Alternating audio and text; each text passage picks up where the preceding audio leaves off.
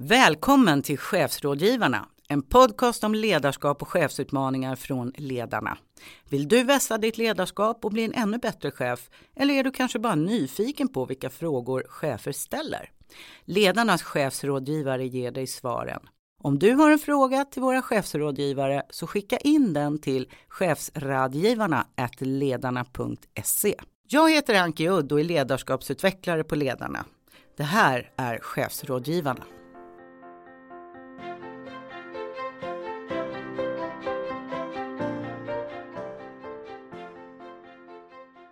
Alla vill ju ha ett jobb där vi trivs och där vi kommer till vår rätt. I det här avsnittet så ska vi prata om hur du som chef hittar ditt drömjobb. Men att få drömjobbet, det handlar ju också om att ha det där som arbetsgivaren efterfrågar. Och enligt utbildning.se som årligen granskar runt 2000 jobbannonser för chefer så är pedagogisk den förmåga som rankas allra högst i år 2018. Förra året så var erfarenhet det som utan konkurrens var allra mest efterfrågat. Med mig i studion för att prata kring chefers karriär så har jag idag ledarnas chefsrådgivare Anita Sandström. Välkommen hit Anita! Tack! Eh, du har själv lång erfarenhet av att arbeta med frågor som särskilt rör chefers karriär. Dels här på Ledarna men också i tidigare jobb som rådgivare på Trygghetsrådet och på Omställningsfonden och du har också varit rekryterande chef. Stämmer det? Ja då. Eh, jag tänkte att många som lyssnar kanske tänker just det här med karriär, att det handlar om att klättra uppåt i organisationerna, att ha en högre chefstjänst. Men vad lägger du in i begreppet karriär, Anita? Jag vill gärna bredda karriärbegreppet att omfatta så mycket mer än det du beskriver Anki. Mitt sätt att se på karriär det är en persons utveckling inom arbetslivet. Vi talar ibland om objektiv respektive subjektiv karriär där den objektiva karriären det är för andra den synliga karriären som handlar om status, position och att klättra uppåt, det här du beskrev. Ja, den klassiska sättet att se på det. Se på karriär. Mm. Men den subjektiva karriären det handlar mer om den egna synen på karriären och vad som skapar framgång. Och det kan ju kanske vara att klättra uppåt och få status. Men här ser vi också att man kan faktiskt fördjupa sina kunskaper inom ett område. Det vill säga att man klarar av mera svåra eller specialiserade uppgifter. Eller så kan man också förflytta sig sidledes och klara fler och fler olika typer av uppgifter. Och det är också en karriär. Mm. Jag känner igen det där. Vi har gjort några tester här på vår enhet vad vi är för karriärstyper och jag är en typisk här expertroll, eh, det vill säga fördjupa sig i ett område som man trivs väldigt bra i. Så det är lite av mig. Jag är inte den där klättra uppåt, det bryr jag mig inte så mycket om faktiskt. Mm. Eh, vi har naturligtvis med oss en gäst även idag. Eh, och idag har vi glädjen att hälsa välkommen Anna Jeppsson Blomberg. Välkommen hit Anna! Tack! Eh, du är grundare av KIM och KIM har jag läst på betyder står för kommunikation, information, marknad och media. Och KIM är ett affärsområde inom WISE Professionals och WISE Group. Och du har under årens lopp rekryterat väldigt många chefer. Eh, finns det någon särskild utmaning med att rekrytera just en chef? Nej, jag skulle säga lite tvärtom faktiskt. Vad spännande. Eh, mm, därför att när vi ska rekrytera chefer då är det ofta ett väldigt tydligt uppdrag. Man behöver ha de här ledaregenskaperna. Man behöver vara, precis som den här undersökningen sa i år, pedagogisk. Det är superviktigt. Mm. Man måste kunna förklara den här tiden som vi lever i nu.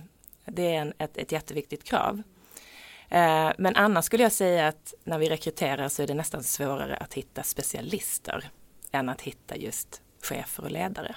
Spännande, för jag skulle nästan kunna tänka mig att det kanske skulle vara tvärtom. För det här med att hitta någon med rätt ledaregenskaper, hur, hur, hur liksom får man en känsla för dem under en rekryteringsprocess? Ja, men jag skulle säga att det finns, det finns ju många olika sätt att bli ledare. Dels kan man ju gå från specialist och bli ledare. Mm. Och sen var det den där egenskapen som värderades högt, eh, eller eh, ja, vad ska man säga, inte egenskapen, men det som var förra året, att man skulle ha erfarenhet. Mm. Så att erfarenhet brukar ju vara någonting som är viktigt när man ska bli ledare. Erfarenhet av en viss bransch, erfarenhet av att vara kanske projektledare först. Eh, och det är ju ett jobb som man kan få kanske ganska tidigt i sin karriär och öva sig helt enkelt på att leda andra människor. Sätta upp tydliga mål, följa upp och inspirera andra att komma med dem på resan. Så projektledare är kanske en bra skola att gå? Det är en jättebra, det är en jättebra eh, väg att gå. Vi brukar utsätta alla våra gäster för en liten snabb enkät så även du kommer drabbas av detta. Så om du bara väljer ett av följande begrepp jag räknar upp. Fysiska nätverk eller Twitter? Fysiska nätverk. Interimschef eller trotjänare? Interimschef. Eller passion eller plikt? Alltid passion. Härligt. Så du föredrar fysiska nätverk, ser gärna att vi har interimschefer och de ska helst ha passion, skulle jag kunna sammanfatta det till. Det här med interimschef, jag tänkte vi skulle stanna lite vid det. Det har ju blivit allt vanligare även i Sverige. Det har varit vanligare utomlands ganska länge. Eh, och det innebär att man tar längre eller kortare uppdrag för en företag eller organisation. Eh, vad ser du kring det Anna? Ser du några för och nackdelar med det här med att vara interimschef? Det gör jag. Eh, fördelarna med att som arbetsgivare ta in en interimchef, det är ju att du kan få in en person som kanske har erfarenhet av just det specifika som du behöver gå igenom på företaget. Till exempel att du behöver säga upp folk eller att du behöver rekrytera många personer. Eller att det är den digitala transformationen som faktiskt inte alls är klar. Den pågår hela tiden och då kan man behöva en person som kanske tar tag i vissa delar av den digitala affären till exempel. Men när den personen har gjort ett uppdrag på ett till två år, då kan det vara möjligt att man behöver en, en annan typ av ledare, en mer kanske en förvaltande och mer utvecklande ledare. Eh, och på det sättet så tror jag att det kan vara eh, bra för arbetsgivaren. För chefen som går in i ett interimsuppdrag, vi har ju många som går ut som interima chefer via oss, då det, kan det ju vara väldigt eh, lockande att komma in i olika företag och organisationer och få vara den där specialisten på att vara ledare. För det är ju det man är när man är interimchef. Eh, så det är många som tycker det är väldigt stimulerande på olika sätt. Men okej, okay, det finns också naturligtvis negativa saker och det kan ju vara att, att eh, chefen är ju också ofta tillsammans med medarbetarna ansvariga för kulturen.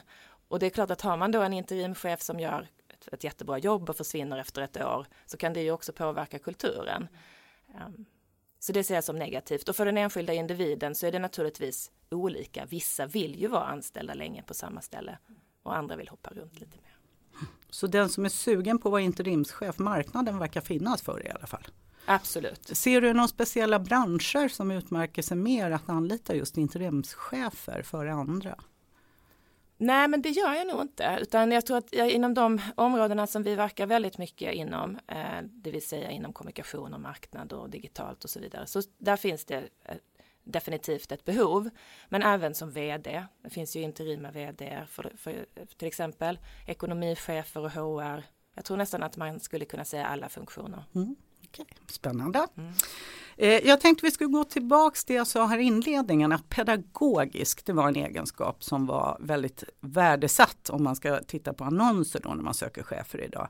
Eh, Anita och Anna, vad tänker ni kring det? Vad, vad beror det på? Du var lite inne på det Anna, men var, var, varför är pedagogisk så viktig när man är chef?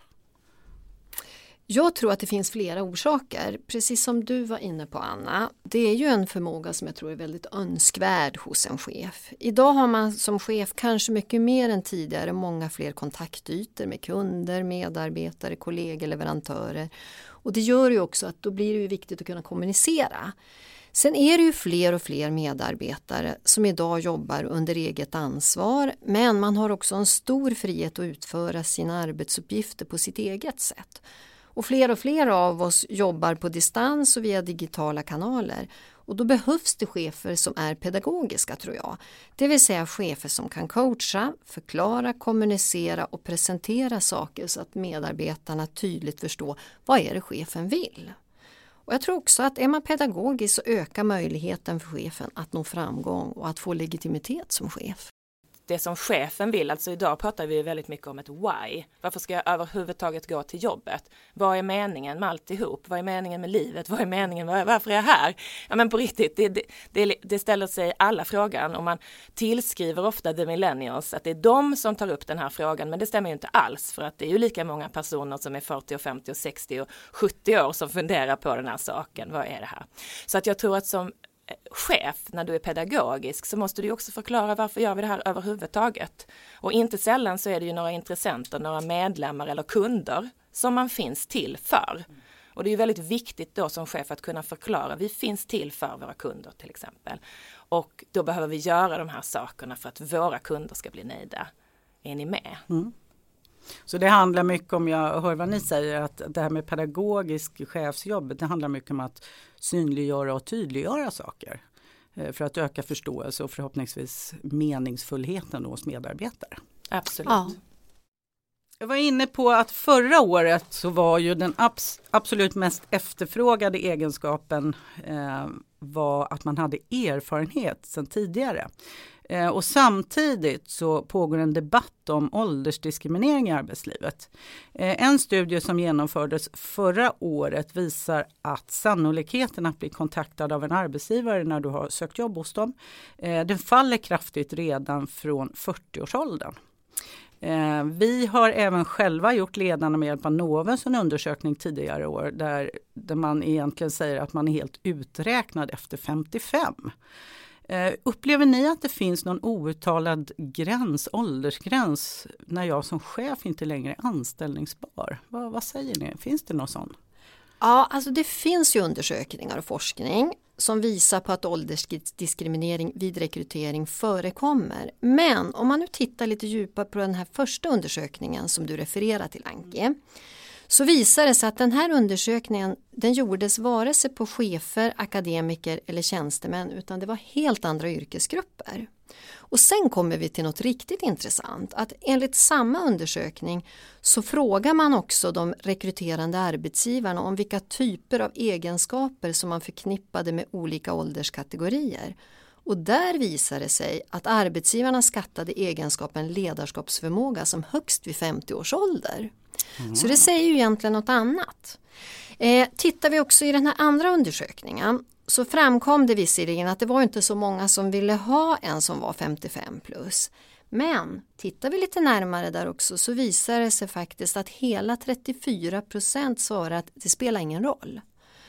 Och jag tror också att den här sista undersökningen det handlar ju om vad cheferna anser när de ska anställa medarbetare generellt och kanske inte så många i underlaget avser anställning av chefer.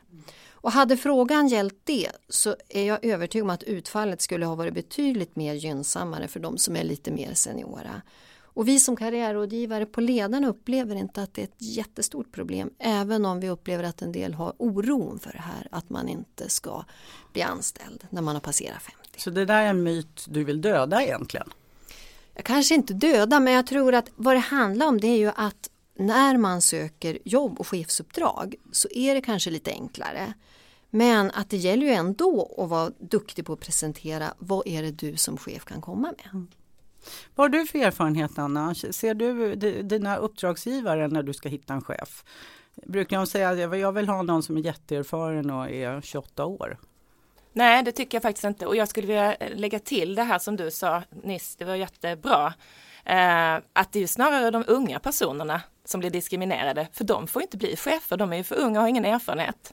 Ja, men hur ska jag kunna veta att hon eller han skulle kunna bli en ledare om de inte har varit det förut? Ah, och då de... blir det ett moment 22. Okay. För då är det som att, ja, men okej, man måste ju ge en person en chans mm. först. Så att jag skulle säga att det är åldersdiskriminering åt andra hållet om det är någon form av diskriminering och det här har jag absolut inget vetenskapligt belägg på. Nej, men du har en lång men, egen men, erfarenhet. Men jag kan säga att det snarare då värderas ju väldigt högt med erfarenhet. Mm. Och vad det gäller det här med ålder så skulle jag vilja säga att eh, åtminstone de sista åren så är det ju mycket sällan som någon uppdragsgivare säger att jag ska ha en viss ålder eller ett visst kön eller så på en person därför man är väldigt upplyst och man vet att man också bryter mot diskrimineringslagen genom att prata på det sättet. Även om det säkert förekommer diskriminering på, på ett eller annat ställe. Eh, vi har ju försökt på WISE att komma runt många av de här delarna genom att när du ansöker, när du söker jobb via oss så fyller du inte i ålder eller kön. Så att när man går igenom till exempel profiler, CVn eller sådär, då kan man ju inte eh, direkt tänka på sådana saker. Och man kan också jobba med assessment, olika typer av tester, för att också göra en mer rättvis bedömning än en bedömning som bara grundar sig på, på ålder eller CV eller sådär. Eh, du var inne på, jag tänker på de här unga människorna, lite yngre som faktiskt är sugna på chefsuppdrag men kanske inte har fått det första chefsjobbet ännu. Du var inne på det tidigare att vara projektledare kan vara en, en bra väg. Har du några andra tips till de här yngre som känner att ja, men jag är mogen och redo och sugen på ett chefsuppdrag? Mm, det har jag. Eh, jag skulle säga att det allra, allra enklaste, om man säger, det är att eh, gå in i en roll som till exempel projektledare eller i någon form av specialistroll. Göra det riktigt, riktigt bra. Tidigt signalera till sin chef att jag kan och vill mer. Eh, tidigt fråga efter fler uppdrag, efter om man kan få driva något projekt eller så vidare. Och i det här, vad ska man säga, första jobbet eller andra jobbet man är på, att man får testa på att vara chef eller ledare där av något slag. För sen är det mycket enklare när du ska byta jobb. För då har du ju den där erfarenheten som så många efterfrågar. Mm. Så mm. det, är, det är ett bra tips mm. tycker jag. Bra tips. Så visa framfötterna och visa att du vill mm. helt enkelt. Eh, och det tror jag också, ja Anita. Ja, ett litet tillägg bara just det här med ålder. Jag har ju träffat så många genom livet och jag har aldrig träffat någon som tycker att de har haft rätt ålder. Antingen är de andra som du säger man är för ung eller så är man för gammal och är man vitt i livet tror man inte man ska få jobb för att man har småbarn. Precis. Så må... ingen ålder är rätt Ingen egentligen. ålder är rätt. ja, men det är sant, det är väldigt kul. Ja, men jag måste säga ett tillägg är ju också som kandidat så tror jag det är väldigt viktigt att du inte går igång på de här fördomarna som på något vis, man har fördomar om sig själv. Man, har, man sätter upp liksom som, vad ska man säga, en liten mur runt sig själv och så skyller man på det, men det är säkert åldersdiskriminering eller det ena eller det andra. Så jag kan konstatera efter den här diskussionen att det här med ålder, det finns ingen rätt ålder, det finns heller ingen fel ålder, skulle man kunna säga. Utan prata om vem du är och vad du kan bidra med istället. Exakt. Och att du inte själv hakar upp det på ålder. Tack för det. Vi ska ge oss i kast med dagens första fråga som har kommit in till chefsrådgivarna. Och den lyder så här, den kommer från en chef som inte bara vill byta jobb utan också byta bransch. Eh, och så här skriver den här personen. Jag har varit mellanchef i drygt tre år i privat tjänstesektor. Nu är jag sugen på nya utmaningar och funderar därför på att söka mig till en helt ny bransch, nämligen kommunal verksamhet. Hur ser ni på mina möjligheter? Kan det här vara en nackdel att jag saknar erfarenhet från just offentlig sektor? Ja, det här med att byta bransch, Anita, vad tänker du om det? Mm, om vi tar det här exemplet så tror jag faktiskt att det är många arbetsgivare inom kommunerna som gärna ser en chef som har erfarenhet från andra sektorer och branscher. Så att de får lite nytt blod i sina kommuner. Eh, och där är det precis det vi har varit inne på att det är viktigt att du som chef förbereder dig noga och tar fram vilka kompetenser du har som du tror kommer att fungera även inom kommunal sektor. Vi brukar prata om transferkunskaper och det är kompetenser som funkar i alla branscher. Så ta fram de här kompetenserna som du kan se är applicerbara från de branscher du arbetar i till just den här kommunala sektorn. Och exempel på transferkunskaper det kan vara ledarskapsförmåga, ledningsgruppsarbete, budget, resultatansvar, internationellt arbete, tekniskt kunnande och så vidare. Och sen när du då ska skriva en ansökan så kan du pröva att använda dig av en så kallad funktionell CV. Och en funktionell CV det är en CV där du lämnar tids, tidslinjetänket och så grupperar du dina erfarenheter, arbeten, utbildningar och kompetenser under bestämda rubriker. Och det kan vara rubriker som ledarskap, försäljning, marknadsföring, kursledarskap och så vidare. Gud vad jag måste skriva om min CV kände jag nu. Ja, ja. ja det, här är lite, det här är lite utmanande. Det här kan vara lite det var svårt. lite utmanande. Ja. Sen när du har valt de här rubrikerna då är det viktigt att framhäva vad är det viktiga för att få drömjobbet om det nu är i kommunen här. Och då ska du samla ihop dina relevanta erfarenheter under respektive rubrik. Och det betyder att du alltså kan låta tidigare tjänster, projekt, anställningar, utbildningar och så vidare stå under samma rubrik. Trots att de tidsmässigt har kommit till under olika perioder av ditt liv. Mm. Och på så sätt får du en CV som fokuserar på om kunskaper och erfarenheter som du har med snarare på, än på vilken bransch du har varit i. Så mer vad än när helt enkelt. Ja. kan man väl säga. Så det låter som du har gott hopp att den här chefen mycket väl kan vara attraktiv i en helt annan bransch. Ja, absolut. Anna, jag vänder mig till dig. Jag vet du har själv erfarenhet från att helt byta bransch. Eh, Vad var det för utmaningar med det? Eller var det några utmaningar med det?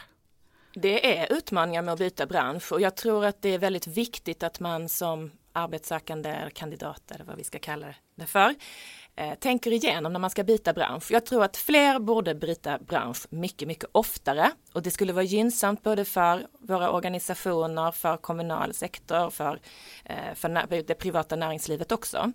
Men det är ju en risk du tar. Därför allt det du har byggt upp och det nätverket som du har, eh, alla de sakerna som du har, som du kan, som du känner dig trygg med, det kommer att bli på ett annat sätt. Så du måste vara väldigt prestigelös, kanske beredd att gå ner något i lön, så kan det vara ibland. Ehm, och att på något vis jobba, jobba, jobba dig in i den här nya kontexten. Personligen så tycker jag att det är det bästa som kan hända. Det är superintressant och jätteroligt och alla de jag träffar på som får möjlighet att byta bransch tycker det är mycket stimulerande. Sen kan det ju vara att man byter tillbaks igen till det man var från början. Ehm, men jag tror att det är viktigt att, att man tänker igenom och att det kan vara kanske okej att gå ner lite i lön i, under en period. Det brukar inte vara en lång period, men att man har den här prestigelösheten och att man inte blir för bekväm. Så det är bara att våga tycker jag. Och det är väl just det där att våga, det är väl lite, jag vet vad jag har men hur blir det där borta på andra sidan? Eh, känner du igen det här som Anita pratar om också med transferkunskaper, det vill säga att man har med sig mycket Oavsett var man kommer ifrån så har man ju med sig väldigt mycket kunskaper och förmågor som man faktiskt har nytta av oavsett var du tar ditt nya jobb. Absolut, och jag tror också att man måste tänka igenom, okej, de här kompetenserna har jag med mig, var skulle de kunna göra nytta någon annanstans? Där det skulle kännas enkelt för mig att komma in, för när det känns enkelt då är det oftast rätt.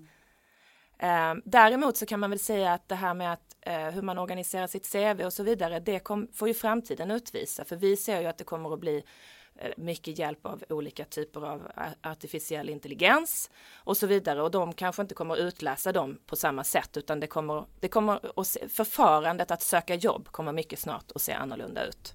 Men de här kompetenserna, de har man ju med sig oavsett. Ehm, vi går vidare till nästa fråga. Det, för många så är det ju självklart att ha ett digitalt CV, än så länge då i alla fall, till exempel på LinkedIn. Ehm, och år 2016 så frågade vi Sveriges chefer om de hade ett digitalt CV. Då svarade hälften av dem ja på den frågan. Och vår nästa fråga handlar om hur jag faktiskt bäst går tillväga för att hitta det här drömjobbet praktiskt. Ehm, här kommer en fråga från en annan chef. Det företag jag har arbetat för gick dessvärre i konkurs förra året. Jag har därför varit mellan jobb de senaste fem månaderna.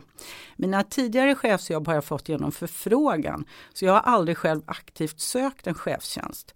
Jag behöver helt enkelt tips på vilka kanaler jag ska använda mig av. Tack på förhand. Eh, ja, Anita, Anna, hur, hur går man tillväga? Jag sitter där, ja men nu måste jag hitta ett nytt chefsjobb. Vad gör jag? Mm. Jag tror att det är viktigt att du synliggör dig själv i rätt sammanhang. Och det är viktigt att finnas där arbetsgivarna finns. TRR Trygghetsrådet gjorde alldeles nyligen en undersökning och det visar på att arbetsgivarna helst hittar sina kandidater via de annonser de själva lägger ut på sin hemsida. Se där! Så det betyder ju då att, och det här gällde i och för sig de privata, Ja. säga, eftersom TRR finns på den privata sidan. Så försök pinpointa vilka företag och organisationer du skulle vilja arbeta hos och lusläs deras hemsidor och titta, finns det någonting där? Sen har vi ju givetvis, Anna, det du representerar chefsrekryteringsföretag, bemanningsföretag, jätteviktigt. Så det är viktigt att se till att uppdatera sig hos er, att eh, skanna av alla sidor och se, finns det någonting där? Och jag Men- tänker just det här interimschefsuppdrag är en fantastisk ingång i olika företag också tänker jag. Absolut. Skulle det kunna vara. Mm. Sen tror jag också det är viktigt att veta vad är det för roll jag vill ha? Vad är det för bransch jag vill till? Och att du har en uppdaterad LinkedIn-profil så att du kan bli funnen där. Eh, sen vill jag ju slå ett extra slag för att jobba med nätverk. Det är viktigt med nätverk. Så sök upp dem du känner och kanske det är någon annan som de känner i sin tur som kan stötta och tänka och ha bra förslag på hur du ska tänka för att komma vidare. Tala med dem du möter, för det är min erfarenhet att ofta vill människor i din närhet hjälpa till.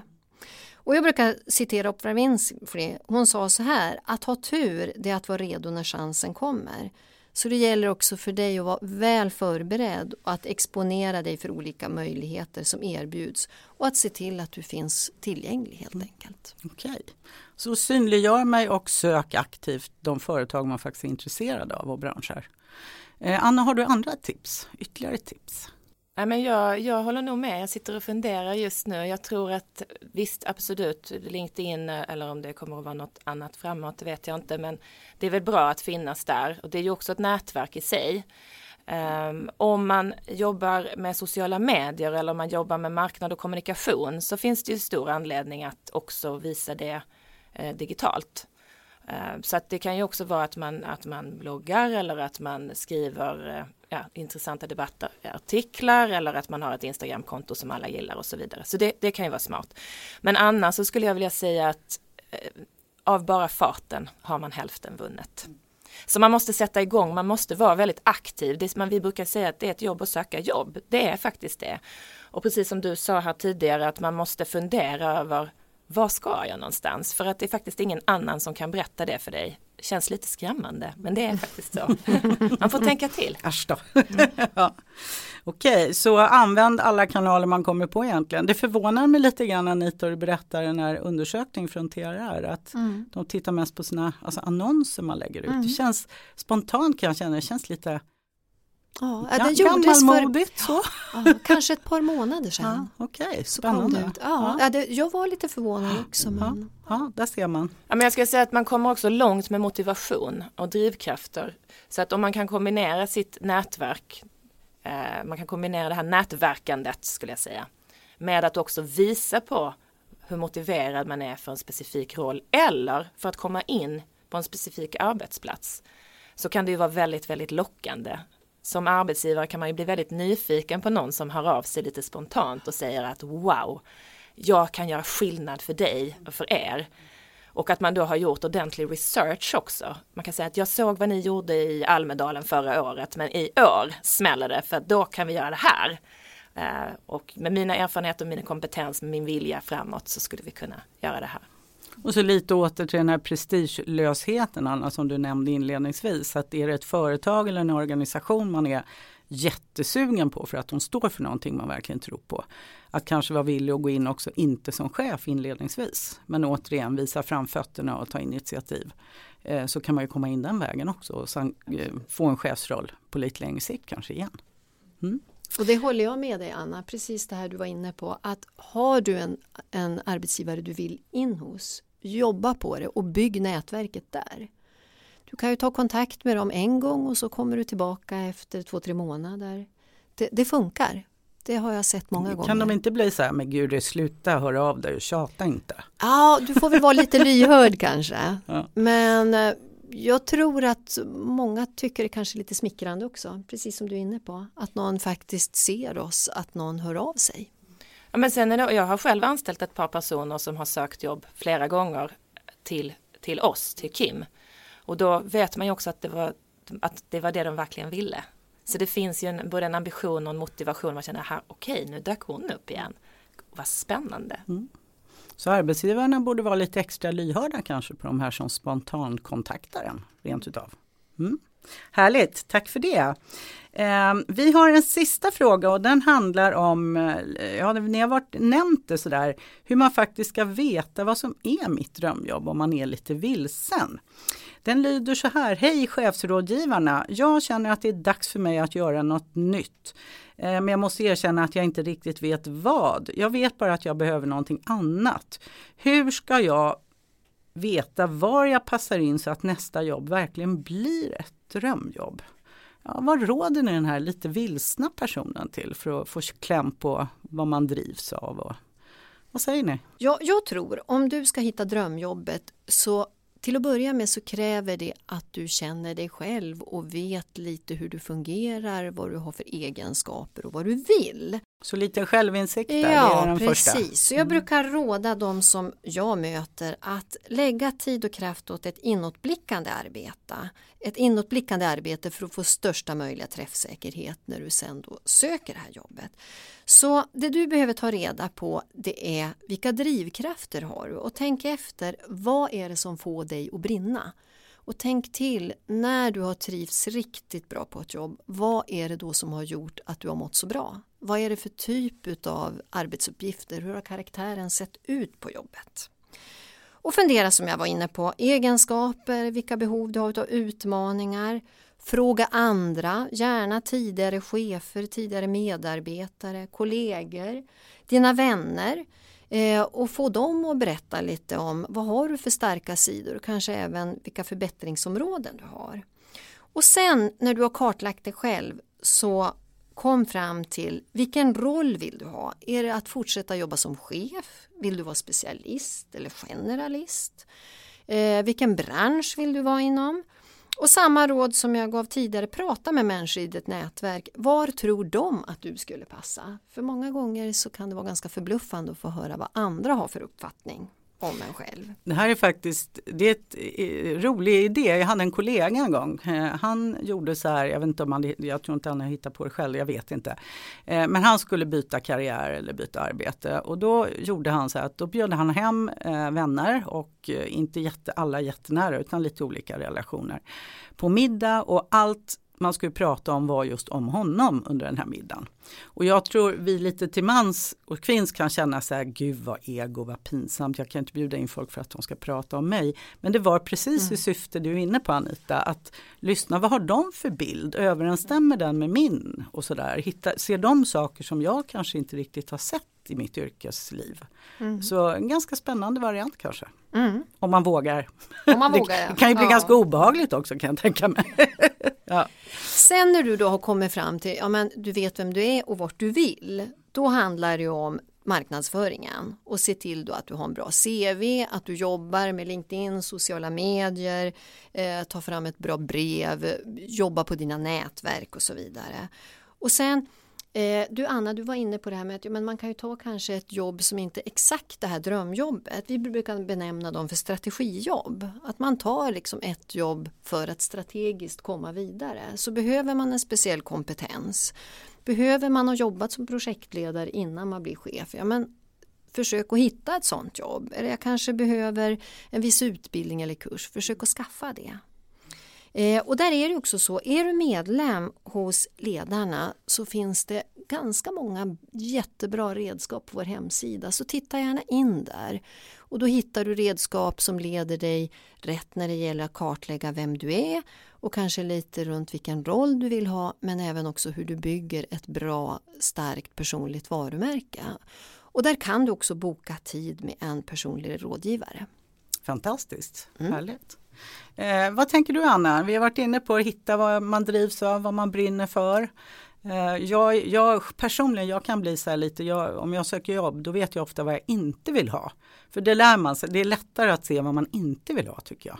Men just få nys på det här, vad vill jag egentligen? Vad har du för råd? Jag kan bara instämma eh, med föregående talare. Eh, det här inåtblickandet tror jag är jätteviktigt. Och där brukar man faktiskt plocka fram den här glädjen och passionen brukar, den brukar komma. Och jag måste säga att det är en läxa du får göra, det är en hemläxa. Och det är väldigt enkelt att säga, det här vill jag inte göra, det här vill jag inte göra, det här vill jag inte göra. Det är som ett barn. Mm. Ja, precis det är som ett barn. jag vill inte göra det här, jag vill inte göra det här, jag vill inte göra det här. Nej. Eh, så, men nu är man vuxen och då får man tänka till och det är som sagt ett jobb att söka jobb. Så att jag skulle vilja säga att eh, man kan vara lite, man ska inte vara så fördomsfull kring sig själv utan man ska tänka utanför sin egen box tillbaks till att jag upplever att man många gånger sätter upp onödiga murar kring sig själv. Ja, men inte kan väl jag eller sådär.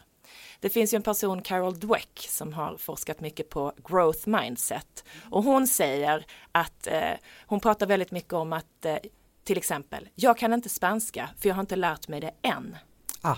Mm. Att man inte kan någonting än, det är mycket mer positivt än att man säger att det där kan jag inte eller jag vill inte eller kan inte. Utan var lite mer nyfiken på dig själv. Det är, det är mitt största råd. Och sen gå utanför din egen fyrkant. Titta lite längre bort och det här med som vi pratade tidigare om. Var nyfiken på att byta bransch och så vidare. Och ställ frågor om arbetsgivaren. Om du söker ett jobb, det är lätt att tro till exempel om man gillar en viss produkt eller det finns starka varumärken som utstrålar någonting. Då kan man ju tro att det är fantastiskt att jobba på just de här ställena. Men man måste också kanske ta referenser på sina framtida arbetsgivare. Vi som jobbar med rekrytering tar ju alltid referenser på alla våra kandidater. Så som kandidat kan det ju verkligen vara läge att spana in sina, liksom, ja, de här arbetsgivarna som man är lockas av och göra lite mer gedigen research innan man kanske ansöker till ett jobb eller hör av sig. Jätteviktigt. Sen tror jag också, vi vet ju hur otroligt avgörande det är som chef, vad jag själv har för chef. Så det är också den dagen man kommer och kanske får erbjudanden om, om ett jobb. Att också känna, är det här min, det som ska bli min chef, kommer det här funka? För det är, det är rätt viktigt för framtiden skulle jag vilja säga. Nej men jag skulle vilja, det här med aktivitet, att du är aktiv själv är jätteviktigt. Därför jag upplever att särskilt chefer eh, kan vara lite benägna att sitta och luta sig tillbaks. Mm. För att de har ofta blivit uppmärksammade. Du har ju ofta blivit chef på något sätt. Och då har du kanske blivit headhuntad eller du har blivit promoted på jobbet, fått ett, ett nytt jobb. Och ett, tu, tre så får du inget nytt jobb utan du har kanske varit chef i fem år och du får inga erbjudanden och det har inget med ålder att göra. Det har kanske bara med att man har ingen aning om att du är sugen på ett nytt jobb. Och så är man lite tillbakalutad och så undrar man varför är det ingen som kontaktar mig och herregud de har slutat ringa. Nej men det är ju ingen som vet att du faktiskt finns. Är, finns. så då måste man vara aktiv. Ja, bra råd. Sen tänker jag lite det här eh, Eh, Eh, som du var inne på, jag gillar det där, nej jag kan inte spanska än. Eh, för det kan jag också, om man tittar på anställningsannonser, alltså platsannonser, eller vad man nu kallar det nu för tiden, eh, så är det ofta långa önskelistor kan jag uppleva. Och jag kan själv känna sådär med att titta på något jobb att ja men det här funkar, jag bara nej, det här kan inte jag, nej, nej. Sen tänker inte jag så här klokt då, nej det kan jag inte än. Men tror arbetsgivarna att man ska hitta en kandidat som uppfyller alla de här kanske 20-tal kompetenser och förmågor som står? Det brukar vara så att man har en kravlista och sen har man en, en del saker som är meriterande och allt det andra är bara önske, önske. Mm. Jag misstänkte det, det att det var så. Alla. Så att man kan säga att krav kan ju vara, det kan ju vara väldigt viktigt att man har vissa typer av erfarenheter eller färdigheter. Men sen kan ju vissa andra saker eh, kompenseras av andra erfarenheter och färdigheter. Mm. Så man jag ska tror inte, man ska skraj liksom. Ja, jag tror ändå man inte ska eller att man ska ändå inte strunta i att söka utan söka i alla fall. För man kan ju inte alltid veta. Nej. Om det är krav vilka... eller inte och har man inte sökt så har man ju inte chansen att få jobbet. Nej och man vet ju inte heller vem man konkurrerar med faktiskt när man söker Exakt. Mm. Mm. Okej, men vi kan väl konstatera efter den här pratstunden att eh, strunta i din ålder. Det har vi konstaterat. Våga byta bransch. Det finns massa fördelar och utmaningar som är väldigt positivt med det. Eh, kanske ett interimsuppdrag. Eh, det finns många vägar att gå. Och du som vill bli chef, projektledning kan vara en bra skola att börja i helt enkelt. Eh, jag vill säga stort tack till Anna som kom hit och gästade oss idag och till Anita, vår chefsrådgivare. Och jag vill också naturligtvis påminna dig som lyssnar att skicka in din fråga till chefsrådgivarna ledarna.se. Tack för idag!